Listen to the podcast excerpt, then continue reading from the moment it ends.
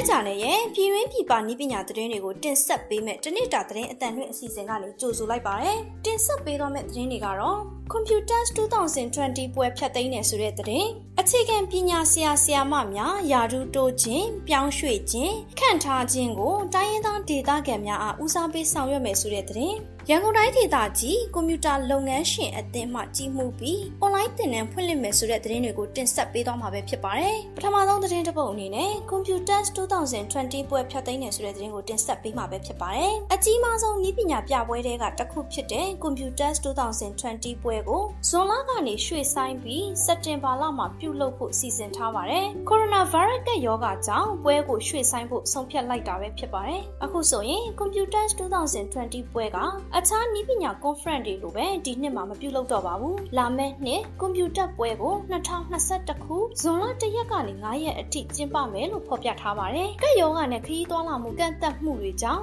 စက်တင်ဘာလမှာတိုင်ပင်ပွဲကိုလူပေါင်းများစွာတက်ရောက်နိုင်မှာမဟုတ်တဲ့အတွက်ဖျက်သိမ်းလိုက်တယ်လို့ပွဲစီစဉ်သူတွေက blog post မှာရှင်းပြထားပါတယ်။ထိုင်ဝမ်မှာကိုရိုနာဗိုင်းရပ်စ်ကူးစက်ခံရတဲ့လူနာတွေကိုတီးတက်ခွဲထုတ်ခါခရီးသွားလာမှုကန့်သတ်တာတွေကိုအစောဆုံးပြုလုပ်ခဲ့ပါတယ်။ဒါကြောင့်ထိုင်ဝမ်မှာ COVID-19 ကြောင့်ယောဂကူးစက်ခံရသူအယောက်900ရှိပြီးတော့တည်ဆုံးသူကလည်း9ဦးပဲရှိပါတယ်။ပြီးခဲ့တဲ့နှစ်ကပြုလုပ်ခဲ့တဲ့ Computers ပွဲကိုနိုင်ငံပေါင်း182ခုကလာရောက်လည်ပတ်သူ4300အထိရှိခဲ့ပါတယ်။ Computers 2020ပွဲပဲဖြတ်သိမ်းတာမဟုတ်ဘဲနဲ့ February လမှာ MWC ကလည်းပွဲကိုဖြတ်သိမ်းခဲ့ပြီးတော့ Mars လအတွင်း E3 နဲ့ Google I/O 2020ပွဲကိုလည်းဖြတ်သိမ်းထားပါတယ်။အခြားပွဲတွေဖြစ်တဲ့ Facebook ရဲ့ FH Developer Conference ကတော့နှစ်စဉ်အတိုင်းစုဝေးမှုကို virtual မှာပဲလှုပ်ဆောင်ခဲ့ပါတယ်။ဆက်လက်ပြီးအခြေခံပညာဆရာဆရာမများယာဒူတိုးခြင်းပြောင်းရွှေ့ခြင်းခံထားခြင်းကို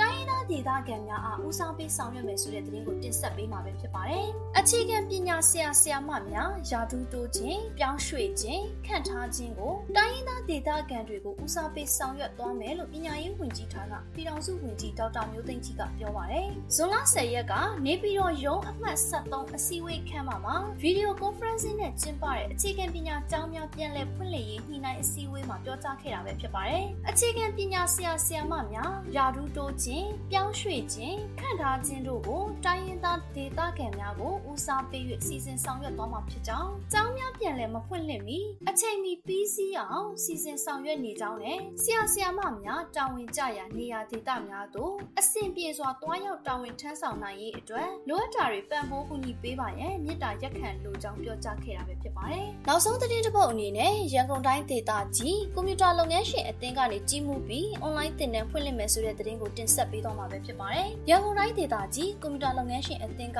ကြီးမှုပြီး Leadership Development Programming from Business Leader ကိုအွန်လိုင်းသင်တန်းအနေနဲ့ဖွင့်လှစ်မယ်လို့သိရပါတယ်။သင်တန်းကိုဆီယမကြီး Professor Dr. မမိုးခိုင်ကိုယ်တိုင်ဦးစီးပြီး COVID-19 crisis အတွင်းစီးပွားရေးလုပ်ငန်းများရင်ဆိုင်ကြုံတွေ့နေရသောအချက်အသေးများစီးပွားရေးလုပ်ငန်းနယ်ပယ်မှာကြုံတွေ့နေရတဲ့အသစ်အသစ်သောပြဿနာများလုပ်ငန်းရှင်တွေခေါင်းဆောင်တွေကြုံတွေ့နေရတဲ့အခက်အခဲနဲ့စိန်ခေါ်မှုများစတဲ့အခက်အခဲတွေနဲ့အချက်အတဲအခြေအနေများအတွက်အရေးပေါ်လိုအပ်တဲ့ကျွမ်းကျင်မှုတွေဖွံ့ဖြိုးတိုးတက်စေဖို့ရည်ရွယ်ပြီးသင်ကြားပေးသွားမှာဖြစ်တယ်လို့သိရပါတယ်။ဇွန်လ29ရက်မှစတင်ပြီးဖွင့်လှစ်သင်ကြားပေးမှာဖြစ်တယ်လို့လည်းသိရပါတယ်။ဇွန်ကနေတဆင့်သင်ကြားပေးမှာဖြစ်ပြီးအင်တာနက်နဲ့စမတ်ဖုန်းတစ်လုံးရှိရုံဖြင့်အလွယ်တကူသင်ကြားနိုင်မှာပဲဖြစ်ပါတယ်။ဆရာနဲ့တပည့်ကြားအပြန်အလှန်ထိတွေ့တဲ့ကဲ့သို့ဆွေးနွေးသင်ကြားပေးမယ့်အစီအစဉ်လည်းပါဝင်မှာဖြစ်ပါတယ်။သင်တန်းကြီးကတော့ module 6ခုလုံးပါတဲ့ package ကို3000ကျပ်ကျသင့်မှာဖြစ်ပါတယ်။နှစ်သက်ရာရွေးချယ်တက်ရောက်လူသူတွေအနေနဲ့ module တစ်ခုကို9000ကျပ်နှုန်းနဲ့သင်ကြားနိုင်မှာပဲဖြစ်ပါတယ်။အထူးအစီအစဉ်အနေနဲ့သင်တန်းသား9ဦးတပြိုင်နက်တည်းအပ်ပါက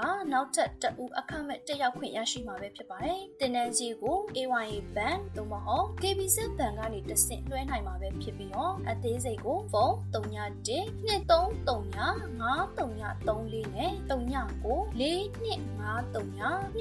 2296ကိုဆက်သွယ်စုံစမ်းနိုင်မှာပဲဖြစ်ပါတယ်။အခုတင်ဆက်ပေးသွားတဲ့သတင်းတွေကတော့နိုင်ငံတကာနဲ့ပြည်တွင်းမှာရရှိထားတဲ့ဤပညာသတင်းတွေကိုအင်တာနက်ဂျာနယ်ကနေတင်ဆက်လိုက်တာပဲဖြစ်ပါတယ်။အခုလို COVID-19 ဖြစ်နေတဲ့ကာလမှာပြည်သက်တွေအနေနဲ့လည်းကျန်းမာရေးနဲ့အားကစားဝန်ကြီးဌာနရဲ့လမ်းညွှန်မှုတွေနဲ့အညီလိုက်နာဆောင်ရွက်ကနေထိုင်သွားလာဖို့တိုက်တွန်းလိုက်ပါတယ်။